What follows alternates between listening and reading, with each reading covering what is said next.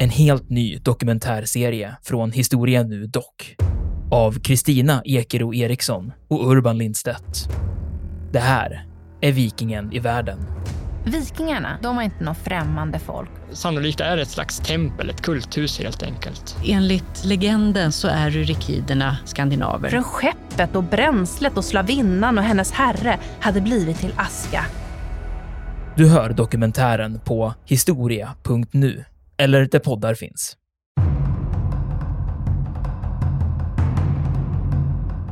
Men, men i grund och botten så utvecklar man en stridstaktik som ju under flera århundraden man har ett övertag mot sina motståndare.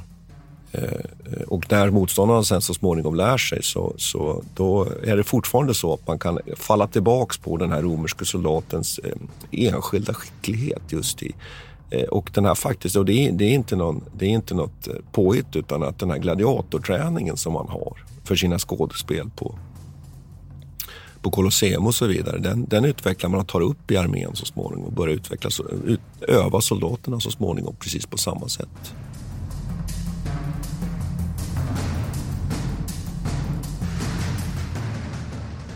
Militärhistoriepodden är podden om krig med människor och samhället i fokus. Programledare är Martin Hårdstedt, professor i historia vid Umeå universitet och Peter Bennesved, doktor i idéhistoria. Podden ges ut av förlaget Historiska Media. Stöd gärna MH-podden via vårt swishnummer 123 610 76 68. Märk betalningen med MH-podden.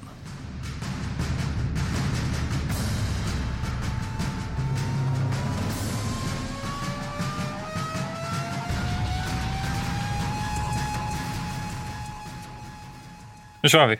Ja, för fan. Kör! Ja, men eh, välkomna till Militärhistoriepodden. Det här är Peter Bennesved. Och jag heter Martin Nordstedt. Just det. Och, idag tänkte vi skulle prata om romersk krigföring.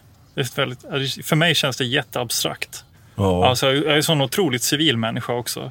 Alltså, jag har ju som ingen militär erfarenhet egentligen.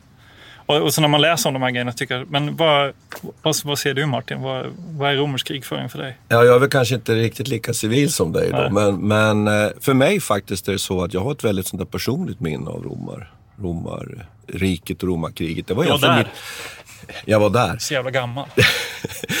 Nej, inte riktigt, men det var faktiskt mitt första riktiga, vad ska vi kalla det för, sådär egenstudieprojekt. Och jag minns fortfarande den här boken om Hannibal och romarriket som jag släpade hem från bokbussen som stannade bara några hundra meter från där jag bodde. Och då, då är jag ju alltså sju år, sju, åtta år. Så det var mitt första studium egentligen i militärhistoria, romarriket. Eh, Så där skulle man väl kunna börja någonstans, de puniska krigen. Du är liksom infödd i, i militärhistorien kan man säga. Bara- Det kan man väl då kanske Ja, säga på, på ja. gott och ont. Så att, så att eh, eh, jag började ju där. Och sen då att man har slutat som historiker blev ju egentligen bara en logisk följd av det hela. Det, men det förstod jag ju först när jag hade kommit till universitetet. egentligen. Men då vill jag kommentera Mm. på det där. För jag tänker, jag tänker att det är en sån stor skillnad mellan oss. Men det, det skiljer ungefär eh, 20 år mellan oss. Ja, det gör det nog. Ja. Och jag liksom, när, jag, när, jag, eh, när jag möter eh, romersk, romerska riket och eh, romartiden, nu läste jag också väldigt mycket tidigt, men inte alls på det viset. Det var ju genom spelen. Just Så nästan allting Mm. jag kan om, om eh, romersk krigföring under, liksom, fram tills jag började på universitetet har kommit från populärkultur av det slaget. Också filmer då, Mm. Men där har vi ju Ja. generationsskillnaden. Då. Ja, För det är inte riktigt en generation mellan oss, men det är nästan. Nej, men nästan. Alltså det, är- medialt kan man väl säga att det är en Mm. enorm eh, skillnad mellan Mm. de 20 åren.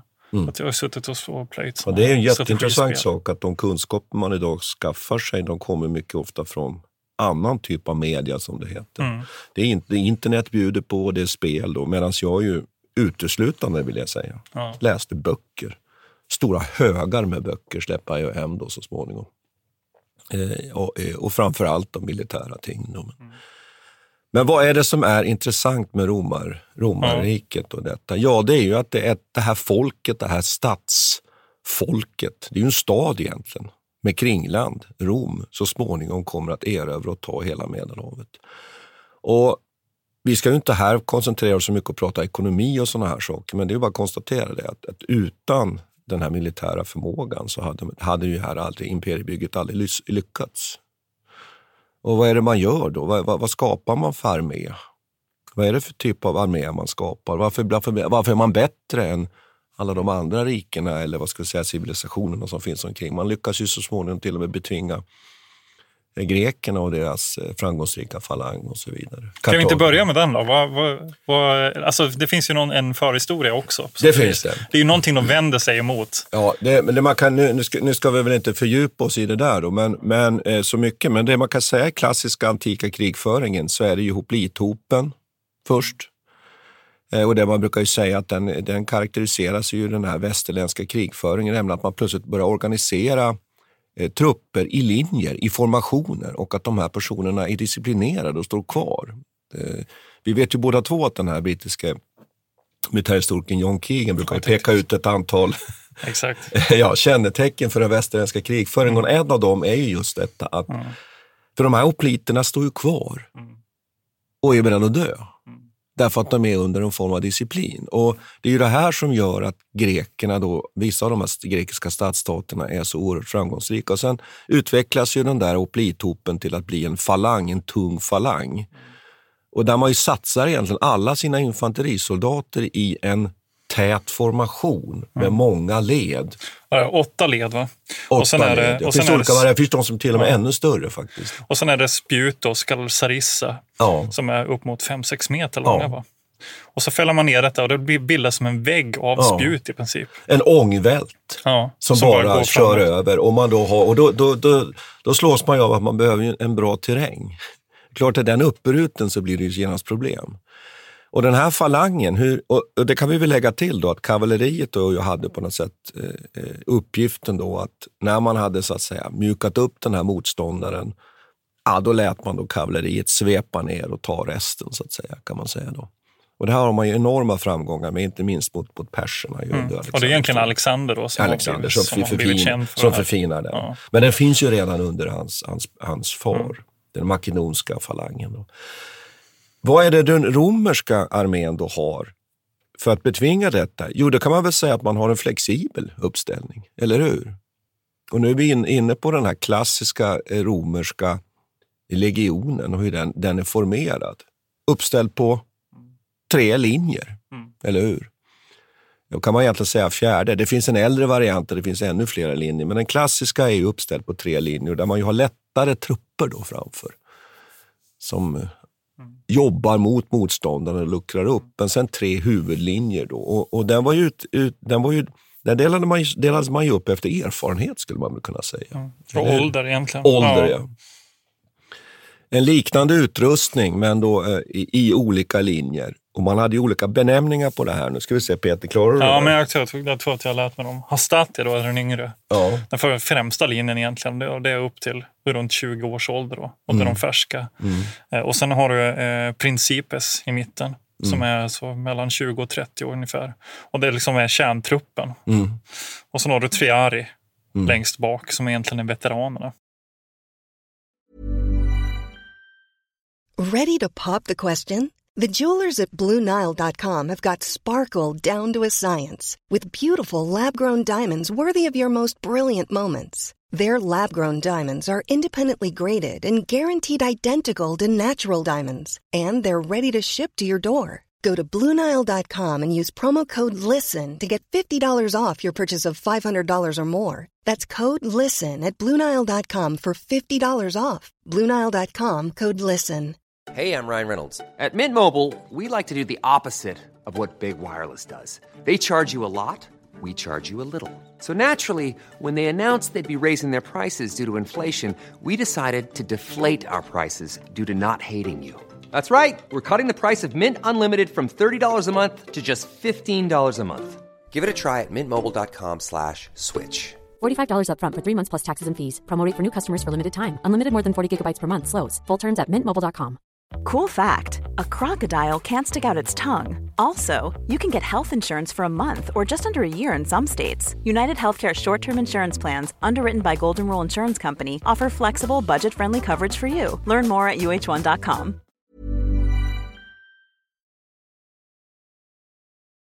Det här går ju också tillbaks till en ännu äldre organisation, att man liksom i det romerska samhället var ju uppdelad i olika socialklasser. Så att man rekryterade ju då soldater som hade råd att skaffa den här utrustningen. Då.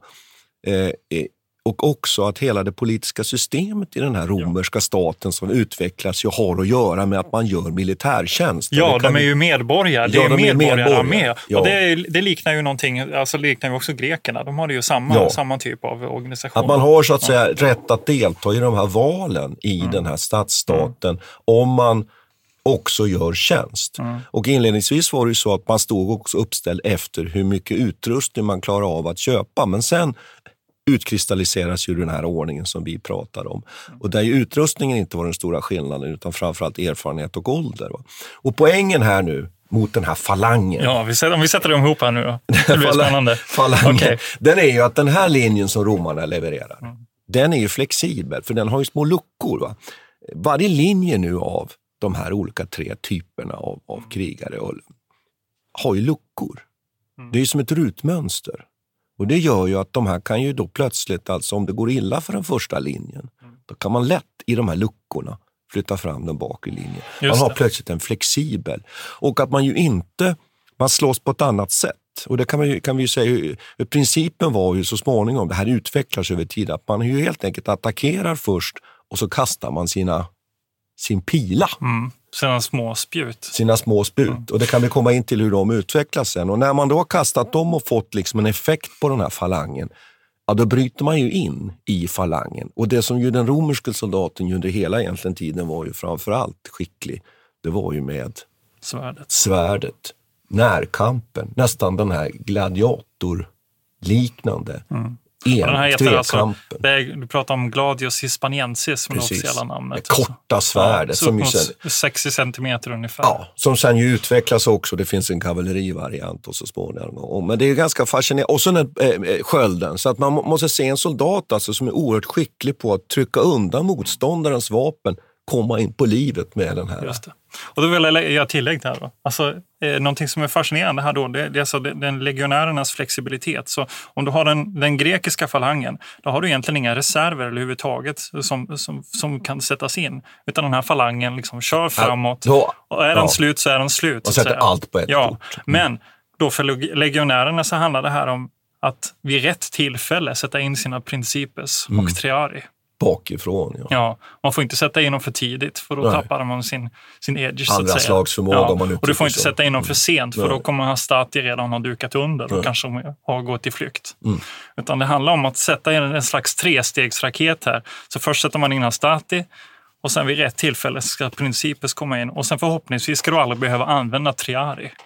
Men man kan, eh, det finns till och med ett eh, engelskt uttryck för det här, it's up to the Triari, som har blivit som ett slags idiom. Då. Just det. Att i sl- om, om eh, det har kommit så långt så kan man skicka in de här. Men det här med pilar tycker jag också vi kan säga någonting om. Där är ju någonting om detta tvistar de lärde, hur man använder de här. För då finns det alltså två olika typer av, av spjut. Det ena ska då ha varit tyngre än den andra. Ja, lite, och, och då kan man väl säga att det är ju en, en träbas och sen är det ju en, en, en järnspets. Som är ganska grov. Va? Ja. Upp mot, jag vet, minns inte hur det var, men eh, 20-30 centimeter i Ja, alla och fall. och den är ju säkert, den är ju lite över, överbalanserad naturligtvis. Så det krävdes nog en viss skicklighet att få den här att löpa i, i, i luften. Men då är frågan här då, som jag tycker är intressant. Mm. Hur, hur, ska man, hur ska man eh, använda den här då? Den här har ungefär, nu har de prövat den i modern tid. Ungefär 30 meter kan man kasta en sån här, Mm. max. Men den effektiva avståndet är runt 15 meter. Mm. Du måste ganska nära in på. Ja, du måste vara ganska nära. Så hur gör man det här? Samtidigt så har man då konstaterat att samtidigt den här eh, skölden eh, är, så, eh, är liksom, eh, byggd på ett sätt att du inte samtidigt kan hålla den på ett bra sätt och kasta dina pilar. Så det betyder alltså att då har man kommit fram till att okej, då måste alltså de romerska eh, linjen stannat upp minst, eh, minst 30 meter egentligen, men gärna närmare, Mm. innan man möter motståndarlinjen Mm. för att kasta iväg de här pilarna. Mm. Men det liknar ju egentligen eh, bataljonssalvan innan, innan ett, ett bajonettanfall faktiskt, när vi kommer fram till tidig modern tid, Ja. 1600-1700-tal. Det är Just lite det. intressant. Ja. Just det. Mm.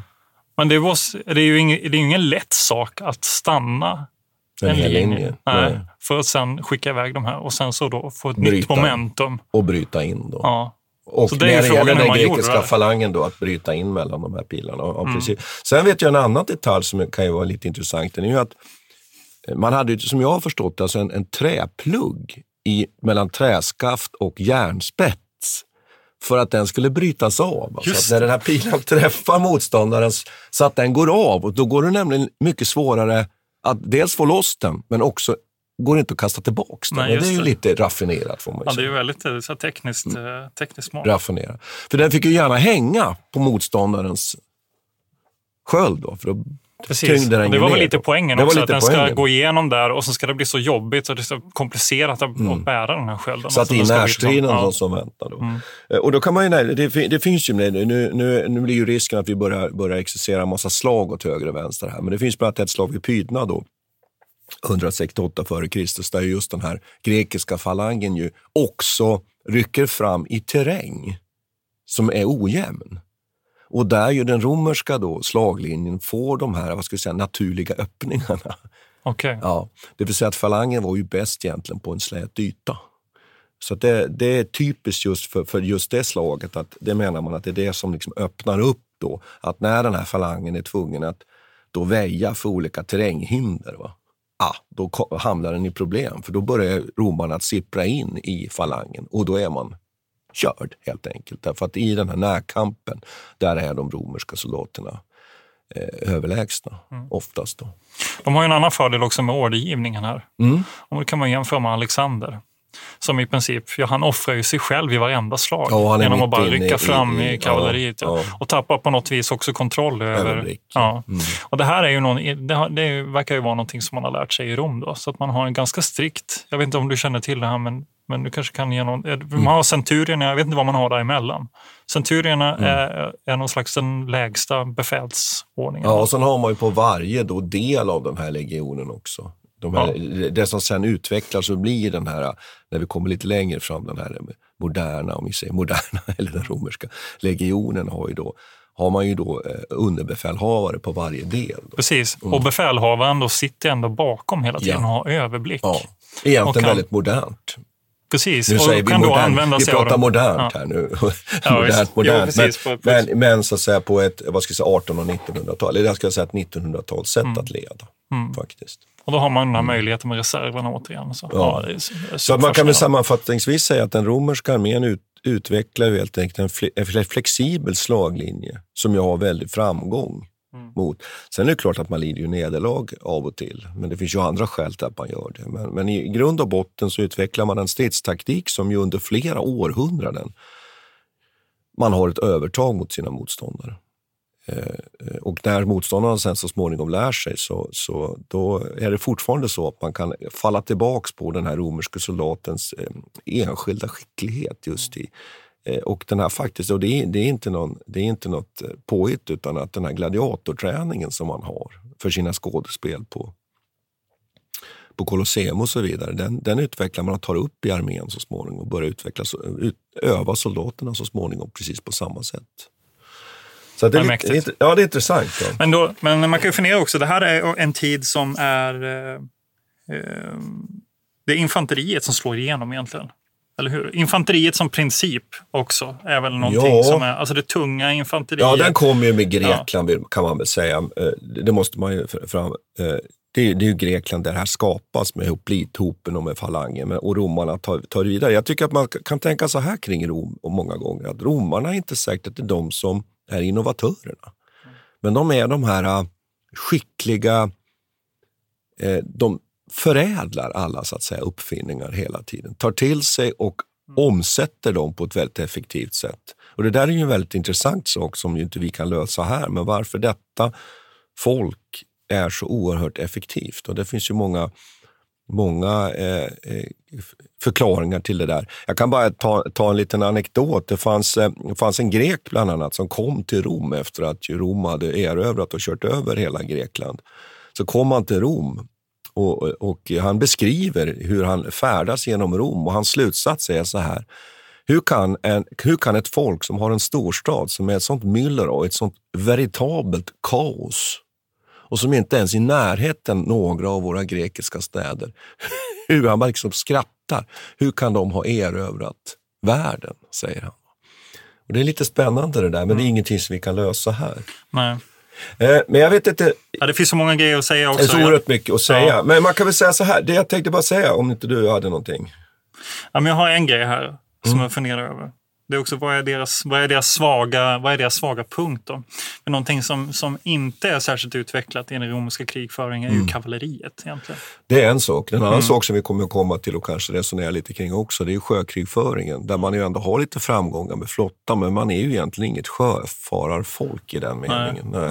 Så Och det två ju mer, mer eller mindre som amfibie, alltså för att landsätta trupper och liknande. Ja, alltså, det, det, vi kan komma till det att, att, att eh, sjökrigföringen, nej, det handlar egentligen mest om att där, där bygger man ju fartyg som ska kunna, där man ska kunna så att säga, äntra från dem. Det är liksom krig, krigföring på land fast på havet. Så att säga. Ja, precis. Ja. Så det har, en- det har en märklig karaktär där. Ja. Nej, men det här med kavalleriet, Mm. för det är också där de får stryk. Jag tänker när de rör sig mot Mellanöstern, eller det som då kallades Mesopotamien, Mm. är ju också då de får stryk. Och vi, vi har pratat tidigare i det här om, om Crassus, när vi pratade om Ja. bågskyttarna Ja. Och hans eh, misslyckande Mm. för 53 före Kristus. Då är det ju också mot beridet bågskytteri som han liksom, är man inte klarar, det tunga infanteriet blir fast Mm. och blir bara nedskjutet i princip, Jo. nedmejat. Och man har inget tillräckligt bra eh, kaval- eget kavalleri att sätta in för att jaga bort de här. Nej. Så där, det finns, och, och det, när romerska riket sen faller ihop så Mm. är det ju också eh, de besuttna riddarna. Ja, det är som på den tre- typen 300 och av- 400-talet som man Ja. börjar få. Det kan man ju säga att, eh, det kan vi nämna här för, för lyssnarna att, att romarriket väst faller ju 476 efter Kristus brukar man säga. Sen så finns det diskussion om det där i forskningen naturligtvis, om det är så exakt eller så inte. Men då, då intas ju Rom så småningom av de här stammarna som kommer norrifrån. Då. Sen, sen lever ju romarriket kvar som, en, som Östrom kan man ju lägga till och det, där, där faller ju Konstantinopel först 1453. Men det kan man ha som en bortre gräns. Så, 400. så att man har stora problem på, på 300 och 400-talet. Och det är som du säger, att det är de här beridna beridna ryttarfolken och då får man problem när infanteriet inte bara, det räcker inte riktigt. Så. Nej, och när den här stora staten då faller ihop så finns inte heller de ekonomiska resurserna att sätta ihop de här stora infanterierna, Nej. infanteriarméerna som man tidigare har varit beroende av. Och då växer liksom kavalleriet fram som ett svar på det, som en slags lösning. Man anlitar då feodalherrar och så vidare. Och så vidare. Men det är liksom, Men, men nå- lite kronologi, är du intresserad av sånt? Ja, jag tycker det är roligt. Ja, då kan man väl säga så här att ungefär från 500 till 264 f.Kr. så kan man säga att, att den här romerska stadsstaten då eh, erövrar Italien, det vi idag kallar för Italien, det italienska halvön. Och sen börjar kampen mot, den klassiska kampen får man ju säga, mot Kartago.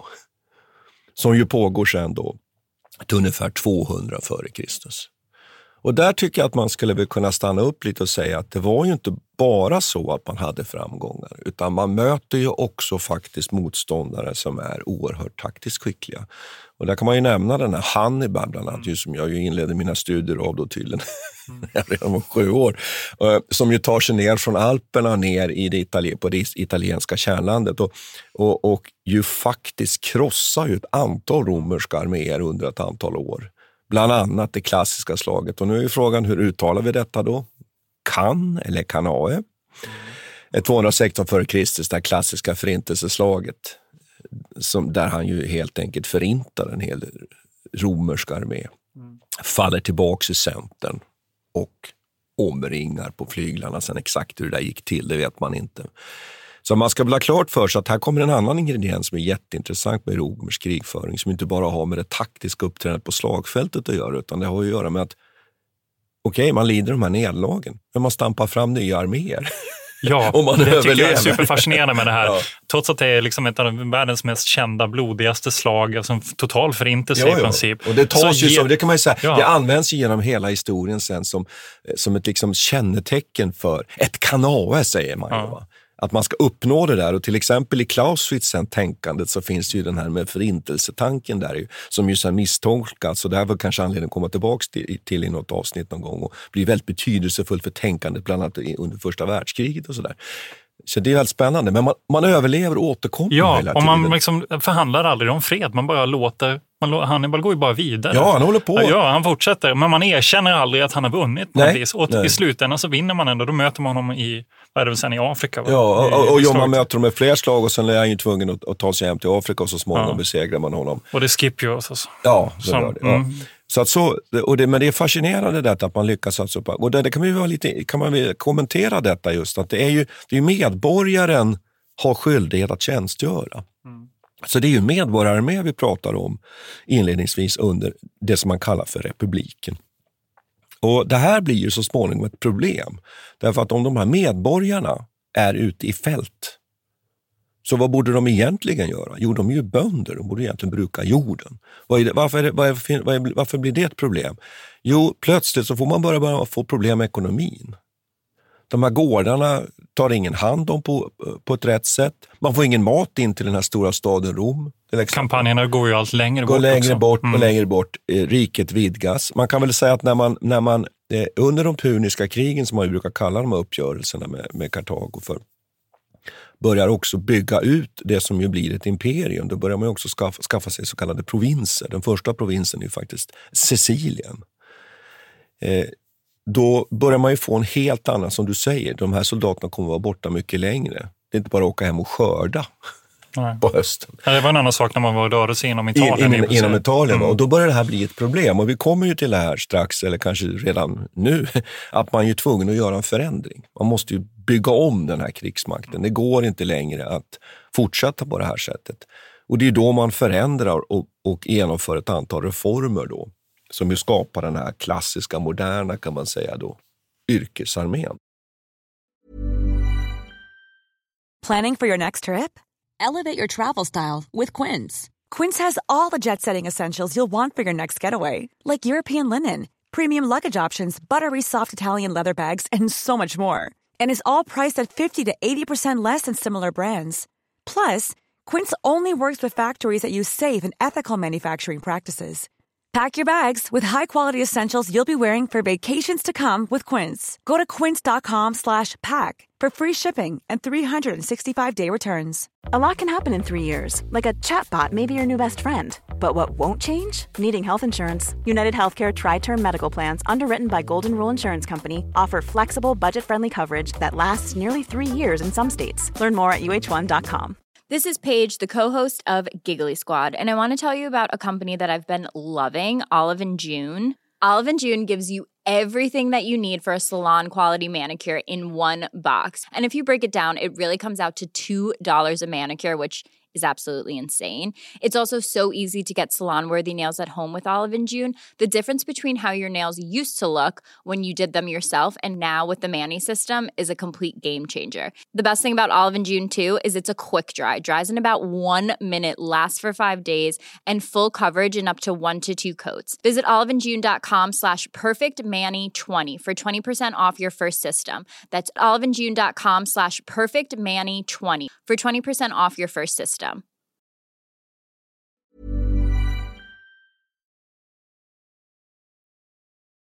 Soldaten skulle ju bära sin utrustning och där, där, där vill man ju mena att man har en idé om att man tränar. Det här är intressant att när, när den här krigsmakten eh, så småningom i det här jätteriket som ju etablerar sig, jag menar dagens Spanien, dagens Frankrike, ända upp i Storbritannien. Bort Grekland, Mellanöstern, Nordafrika. Så bygger man ju så småningom då en form av vad ska vi säga, gräns med fort och stödjepunkter. Och där har man ju de här legionerna då. Eh, och de här soldaterna, de övas ju hela tiden, ska man ju komma ihåg. De sitter ju inte på arslet. Så de övas ju. Och de bär ju sin utrustning. Vi har ju här, här är faktiskt en, grek, en romersk soldat framför oss. Vi tittar nu faktiskt på en bild Mm. från en, på Ja, en väldigt tjusig bild en, en, en. Och här ser man att han bär ju då sin, sin utrustning. I det här fallet är det ju faktiskt, som jag förstår det, en, lättare form av, av brynja, eller hur? Ja, Det kunde också vara någon annan form av utrustning, beroende på under vilken tid det är. visst. Den här bilden som vi har här är ju före Kristus, under republikens tid. Han har en hjälm. Jag, Ja. jag är osäker på om han bär den på huvudet under marsch, det tror jag inte. Jag tror att han har hängt av den. Och det är den här klassiska bronshjälmen egentligen som, som, de, som de alla hade. Ja, och den utvecklas. Alla menar utrustning utvecklas ju Mm. över år, men i principen är ju densamma. Han har sin gladius, Mm. Han bär sina pilar, kanske till och med två. Mm. Är faktiskt bara en. Jo, det, är två, det, det ska vara Mm. två då. Ja. Den ena som ska vara tyngre än den andra också. Det är lite oklart hur man ska använda dem där. Mm. Och sen har han då den här väldigt klassiska skölden, Skölden, som är då välvd. Välvd Ja. och, och förstärkt med, en- med en träram va? Och, Ja. och Och lager av, Läder. av läder. Ja. Mm. Eh, Och sen ett, ett, ett karaktäristiskt eh, handtag va, som är skyddat inuti då, som är effektiv. Eh, Och det kan vi komma till också, det kan, vi- kan vi nämna att de här, ofta, ofta använder man ju de här sköldarna faktiskt till att skapa de här vi kanske kan prata lite om belägringskrigföring sen. Man kunde ju liksom röra sig fram mot en mur genom att helt enkelt skydda hela truppen. Men om, om man kollar på liksom extremiteterna då, eh, så är det ju ganska oskyddat. På, på benen, Ja. eh, det är bara någon slags sandal som, Ja. som de bär. Och sen så armarna är ju egentligen inte skyddade. Nej. En del ska väl ha haft någon typ av eh, Ja, och det eh, finns också under handskar. perioder bensken, men det beror på Mm. vilken period man pratar om. Visst. Och sen bär man ju helt enkelt eh, en, en del mat faktiskt. Och jätteintressant, man bär ju också, eh, vad ska vi kalla det för, förläggningsmaterial skulle vi ju säga då. Alltså tältduk och pinnar och sådana här saker. Så att man, den här legionen kunde ju alltså slå upp och gå i förläggning. Är det bara för, är det bara för mig som det ringer liksom Ja. Napoleonklockor här? Ja, att det är liksom en krigföring där man, man, man rör sig snabbt med lätt utrustning. Och det Visst, ligger och de ska i förväntas att de ska liksom bära sin egen mat i princip. Ja, för, några, för några dagar i ja. alla fall. Eh, Så att det, det tror jag man ska lägga, lägga till här, att det här var ju soldater som, som marscherade ganska hårt. Så att tillvaron i legionen var säkert inte så, så uppmuntrande andra gånger. Det tror jag inte. Så det, det tycker jag är spännande bara att få den här bilden framför att det här var ju... Och det vi pratade, det som vi var inne på alldeles nyss är ju att man genomför ju då ordentliga reformer under, kan man säga då, första århundradet före Kristus. Och det är ju när man börjar inse att vi kan inte ha bönderna, våra bönder ute och medborgare, utan vi måste göra Utan då börjar man skapa en yrkesarmé och man börjar rekrytera soldater helt enkelt på frivillig kontrakt mot kostnad. Och då, då, då sker ju egentligen en, en, en väldig förändring. För då plötsligt så blir det väldigt viktigt för de här soldaterna att de har befälhavare som tar hand om dem. För när de har tjänstgjort så är det inte självklart längre att de har en pension. Till exempel. Det hade man i det tidigare systemet.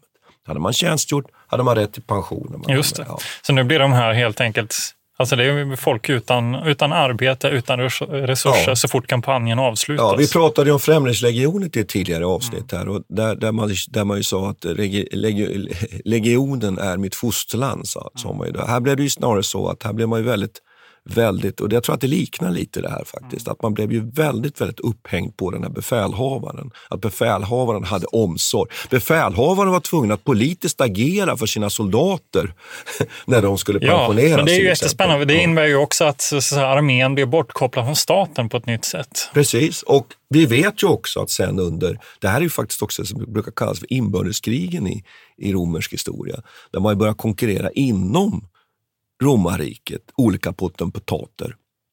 Pompejus, Caesar och så vidare. Och där är de här soldaterna i framförallt var ju lojala mot vad då? Ja, legionen kanske, men framförallt mot sin befälhavare. Att det var befälhavaren som såg till att de fick krigsbyten. Eh, och, och logistiken vid den här tiden eh, var ju ordnad i viss utsträckning, men byggde också väldigt mycket på att man plundrade områden. Och därför blev det här väldigt viktigt. Men att man, och att man också gör så att man tar bort skillnaden i utrustning. De här tre linjerna vi har pratat om, de försvinner. Okej. Enhetlig utrustning på precis alla. Och legionen blir plötsligt en, en, väldigt, en väldigt enhetligt utformad och utbildad eh, eh, arméenhet. Då. Och detta, detta sammanfaller väl i princip med att republiken också faller. Ja. Och att vi går in i kejsartid då strax efter Kristus. Det kan vara intressant att veta. Så att plötsligt har man då alltså en, en legoarmé. Eh, Och där kan man väl också diskutera lite det här med, med, med eh, och, och överhuvudtaget så blir legionen mera professionell. Disciplinen blir hårdare, man, man övar sy- systematiskt. Man har befälhavare som har, har en lojalitet från sina soldater på ett nytt sätt. Och det gäller ju egentligen bara att den där lojaliteten sammanfaller med senaten, romarrikets Mm. eh, syn politiska- på politiska, eh, vad ska vi kalla det för, idéer vid den tiden. Då. Det man vill ha gemensamt hela tiden, det är väl att man vill upprätthålla romarriket. Så kan man ju uttrycka det. Mm. Eh, och sen bygger man ju ut då ett system.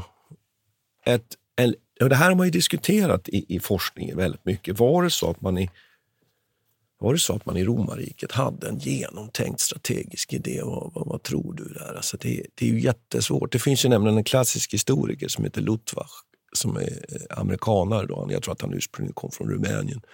Som skrev då ett klassiskt arbete, ett klassiskt verk på 70-talet som handlade just om kejsartidens romerska armé och där han driver tesen att det skulle ha funnits en, en genomtänkt strategisk idé. Mm. Och där man till och med utvecklar någon form av, av djupförsvarstänkande och att det var oerhört systematiskt. Och kritikerna till Luttwaks teorier har ju sagt att eh, det finns inga belägg för detta arkeologiskt eller skriftligt, att det skulle ha varit så. Eh, och det, det där är ju jätteintressant om det mm. var så. Alltså det, man, det man läser nu i mer moderna böcker är ju snarare en slags, eh, den bilden man får är ju ett, en utrikespolitik som är inrikespolitik hela ja, tiden. Ja. Och att det inte finns, det verkar inte finnas någon övergripande eh, strategi så, utan snarare handlar det om enskilda aktörer som vill framhäva, framhäva sig själva som politiska ledare genom att göra, genomföra olika kampanjer. Ja, i olika riktningar. Ja, i olika riktningar, riktningar. precis. Ja. Och, så, och, och, då kommer de hem och då ska, ska visa upp, ha en sån här triumf som de då kallas. Jag läste här att, att det fanns, de införde till och med en lag att eh, för att du ska få ha en, en sån här fest eh, i Rom med eh, en, en så kallad triumf då när man går genom staden och blir hyllad av folket och så vidare. Då måste du ha dräpt åtminstone 5000 fiende soldater. Okay. För att de tyckte att det började bli, gå lite inflation på de här grejerna. Speciellt när man började röra sig in mot Spanien. Så då att det var för lätt? Då, ja, det var sätt. precis. Ja. Det var för lätt att komma tillbaka.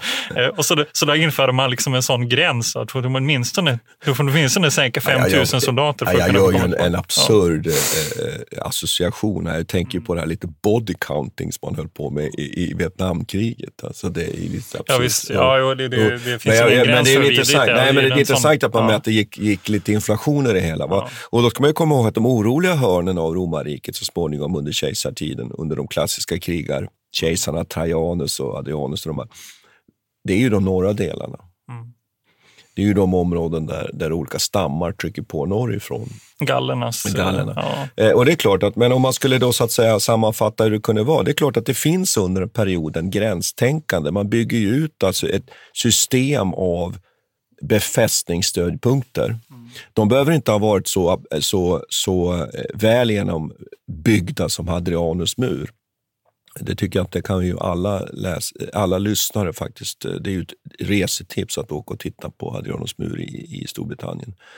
Att det var till exempel, alltså säga, menar, en, faktiskt en mur med, med fort och stödjepunkter då med jämna mellanrum. Så var det ju inte i, i, i, genom, överallt genom Europa naturligtvis. Men däremot att man hade i alla fall stödjepunkter och att legionerna ju förlades i gränsområdena. Mm. Sen förändrar man ju det där tänkandet, man, man drar tillbaks legionerna mer, har mer en så att säga, bas för att kunna skicka ut dem. Och så, menar, eh, och så menar man ju också då att om man skulle haft det här vägsystemet som man bygger upp, mm. det gör att det är lätt att flytta de här legionerna när det väl smäller. Problemet med Limes-tänkandet är ju att bryter igenom någonstans, då har man ju inget djupförsvar. Och därför menar man just det som jag var inne på alldeles nyss, att man ju förändrar detta så småningom och att man drar tillbaks en hel del av legionerna och har dem utgångsgrupperade längre bak. Så helt enkelt fram. ett centralförsvar? Ett centralförsvar. Ja, Men allt det här är väldigt, är väldigt mm. osäkert. Och mm. Eh, det finns en del forskning på det här som försöker då kombinera det vi kan få fram genom att själva helt enkelt fundera och tänka, vilket Lutwak nog faktiskt i ärlighetens namn gjorde. Han hade nog inte så mycket källmaterial.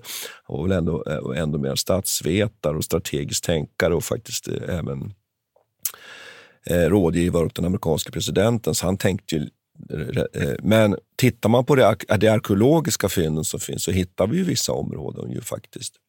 Just det här hur, hur, hur de här olika romerska stödjepunkterna, lägren, fästningarna och så vidare var placerade. Och då kan man komma fram till att man nog i vissa områden ändå har tänkt i djupförsvarstermer. Mm. Så det där är en jätteintressant fråga, men just den där limes är ett mycket spännande begrepp. Gränsen, att gränsen ska Mm. hållas. Annars är det svårt att... För, alltså man, man, eh, när man tittar på de här kartorna som man oftast möts av när du ska liksom läsa på om romerska riket så ser man ju de här landområdena och det är liksom färgat rött. Så här, ja, det här, här kontrollerar de. Det, det är svårt att... eh, Det är lätt att bli anakronistisk i den, tänk, i den meningen att man tänker sig, man liksom förlägger en slags nationalstat. Ja, precis. Man föreställer sig att det finns en, liksom en ordnad stat i alla de här områdena, men så är det ju inte. Nej, alltså gränsen liksom- måste uppfattas som en gränszon. Och det gäller ju även vid Hadrianus mur. Även om det fanns en mur, Mm. så var det ju ändå en gränszon. Så att historiskt ska man nog tänka i gränszonsperspektiv. Och framförallt fanns det ju inga avtal med några exakt var de här gränserna skulle gå eller någonting sånt. Sen ska man också komma ihåg att romarriket börjar ju använda sig mer systematiskt av att man gör överenskommelser med olika befolkningsgrupper i gränsområdena. Att ni, ni får möjlighet att bosätta sig er i de här områdena. Ni får ekonomisk hjälp med mat konkret om ni ser till att ni är en buffert mot andra folk som kommer hit och helt enkelt jobbar på våran sida. Och då är, blir ju gränszonen ännu mer lös och, och rörlig. Man brukar ju prata om pax romana. Limes är ett sånt där begrepp, men pax romana är ju också ett sånt här begrepp, just det, den romerska freden.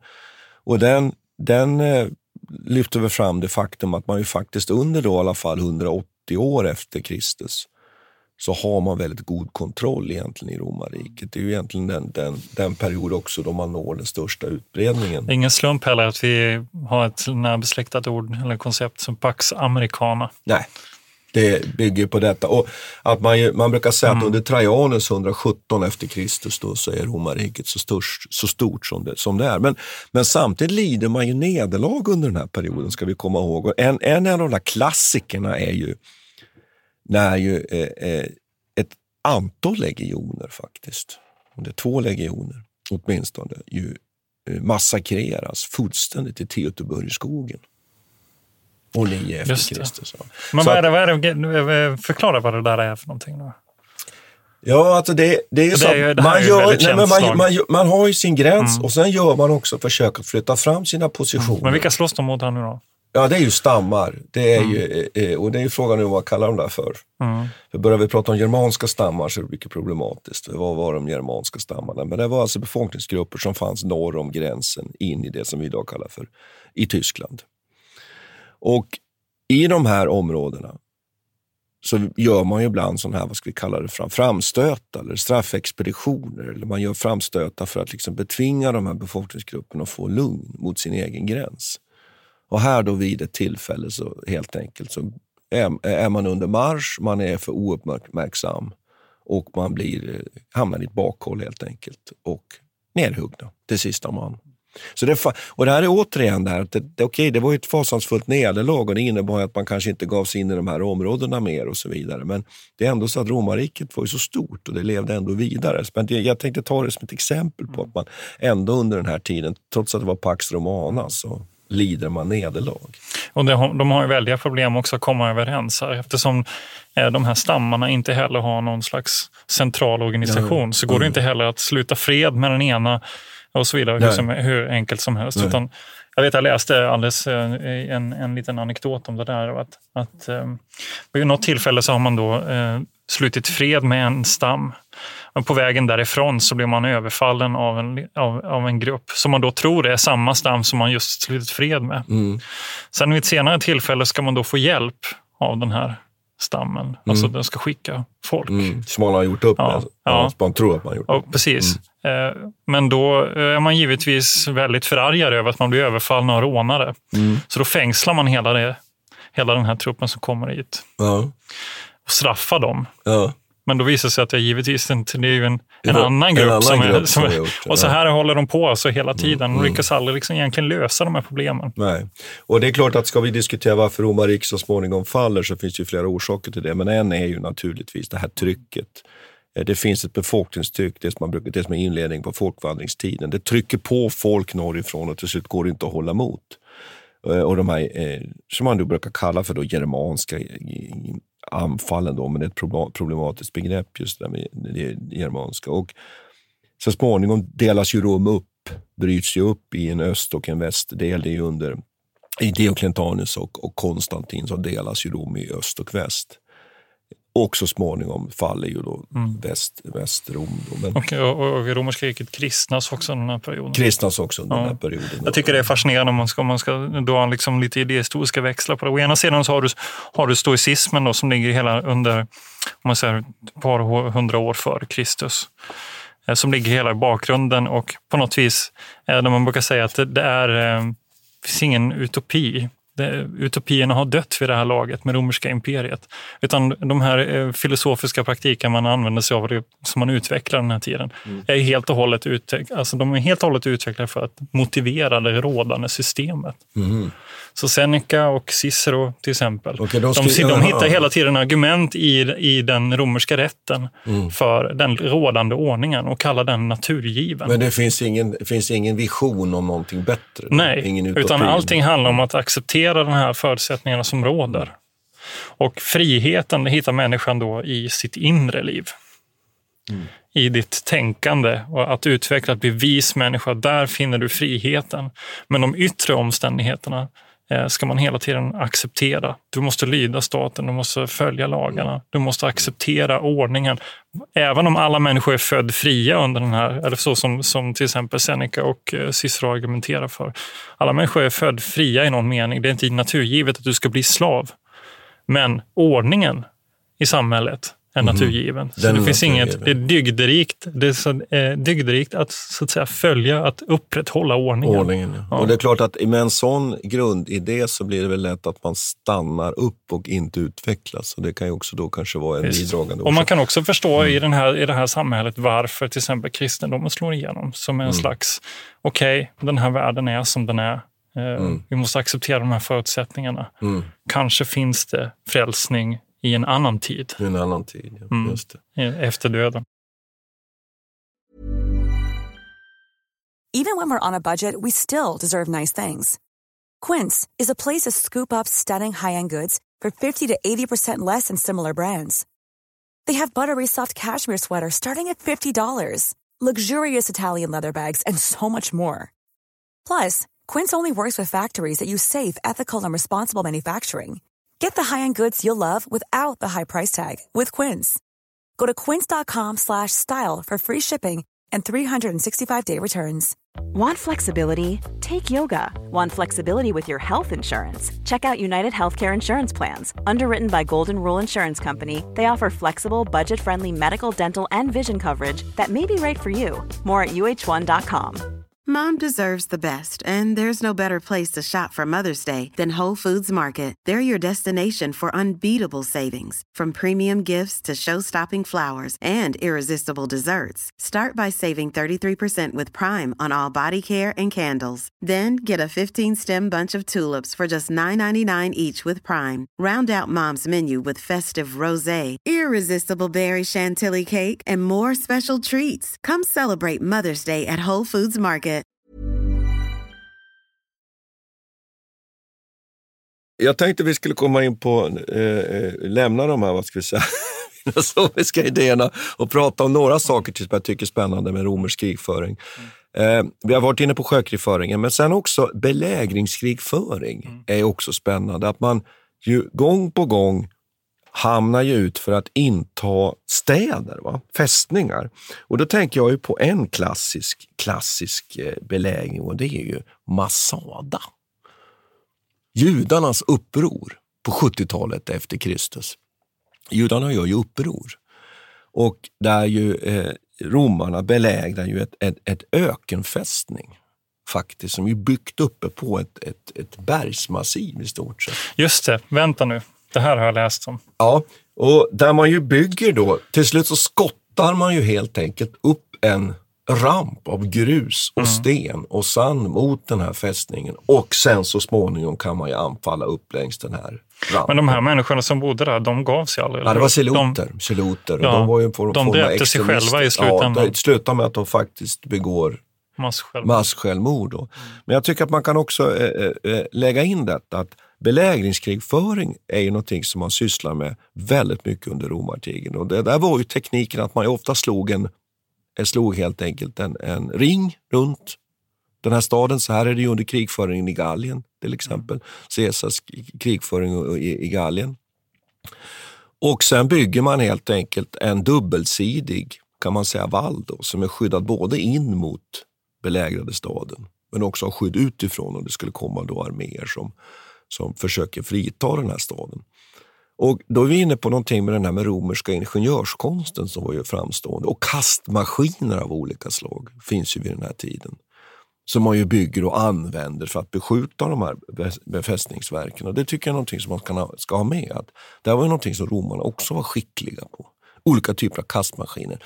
Och stora, som man kunde kalla dem för, armborst. Mm. Där man skjuter väldiga pilar mot befästningar. Men också mot trupp eh, vid olika tillfällen. Och det händer ju faktiskt att man också använder den här typen av, av maskiner och kastmaskiner i, mot eh, eh, eh, trupp, alltså under slag. Då. De är påtagligt moderna i den meningen att de har liksom i, i princip ingenjörstrupper då, som man kan sätta in och bygga broar och allt möjligt. Också. Ja, det har de. Ja. Och hela det här som vi, vi känner från den romerska tiden, akvedukter, vattensystem, kloaker och alltihopa, det spills ju över naturligtvis på det militära. Man, har vä man bygger vägar där man kan flytta trupperna.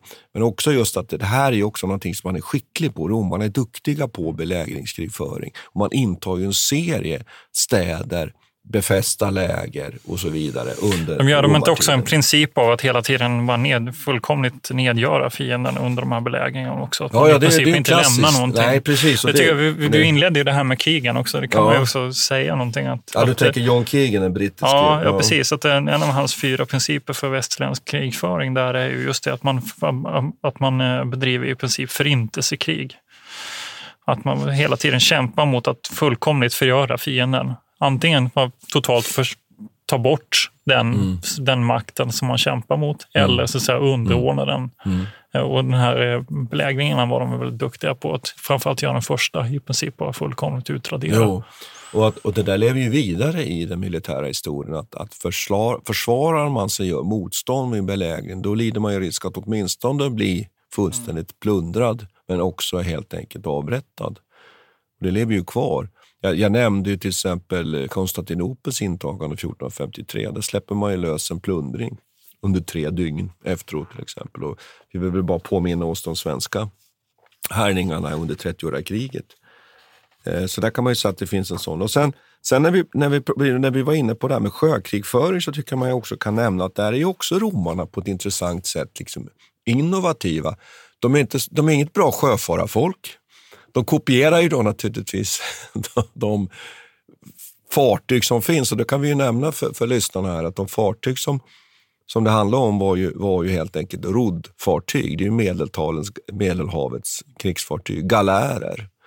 Eh, en, en, en sak som är väldigt intressant är att romarna har ju en del framgångar i de här sjöslagen mot kartagerna bland mm. annat. Men de men då, mister också flera flottor. Ja, men den där, det där bygger ju också på att de härmade kartagernas... Eh... Det gjorde de. De härmade ja. kartagerna. Ja. Och sen ut, gör de en liten utveckling och det de hade var ju bland annat en sån här eh, korvus, en sån här att man fäller helt enkelt en, en brygga mm.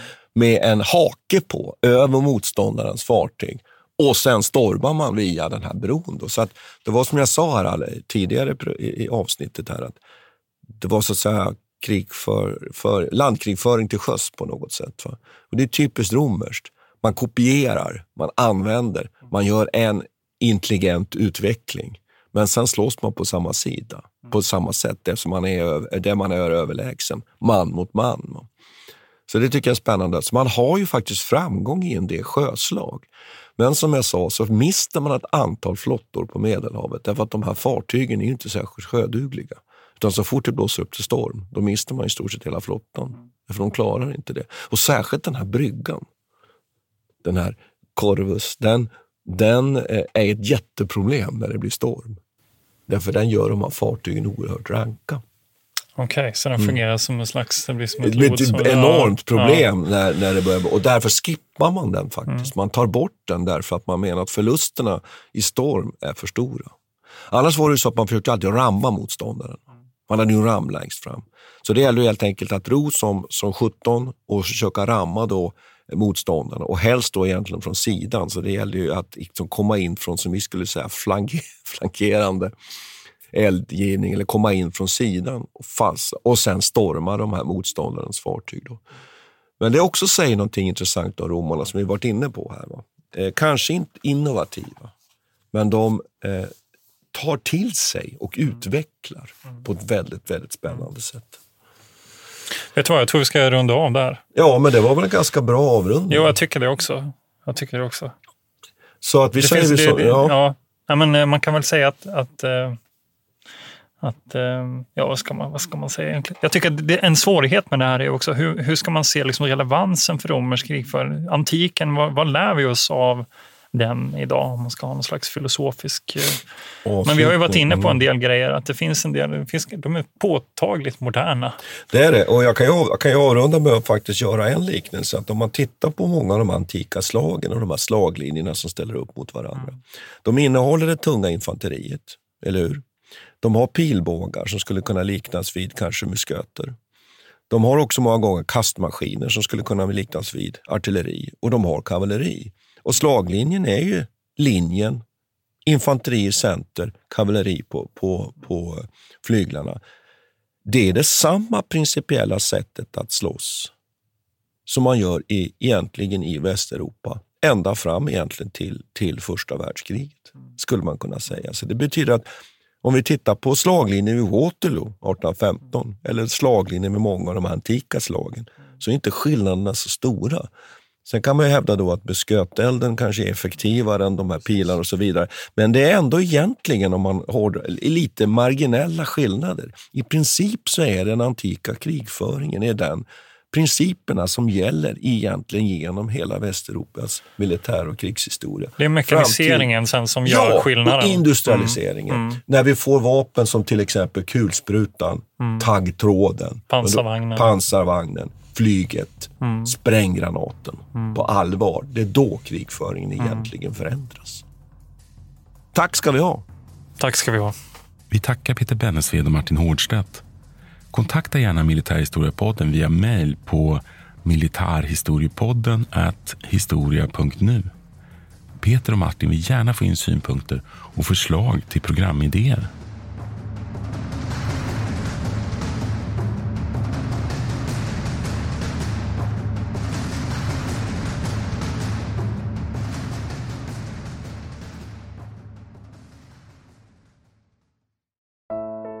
Iran har under 1900-talet genomgått tre omvälvande revolutioner som orienterat landet antingen mot västerlandets modell eller mot en auktoritär styrelseform. Idag pågår en social revolution i landet som vänder sig mot det islamistiska styret och vars anhängare har Europa och väst som förebilder. I en viktig bok ger idéhistorikern Mohammad Faslashemi en djupare förståelse för dagens dramatiska händelseutveckling. Iran mellan tre revolutioner är utgiven av förlaget Historiska Media. Beställ den fysiska boken på förlagets hemsida historiskamedia.se eller köp den i en bokhandel nära dig.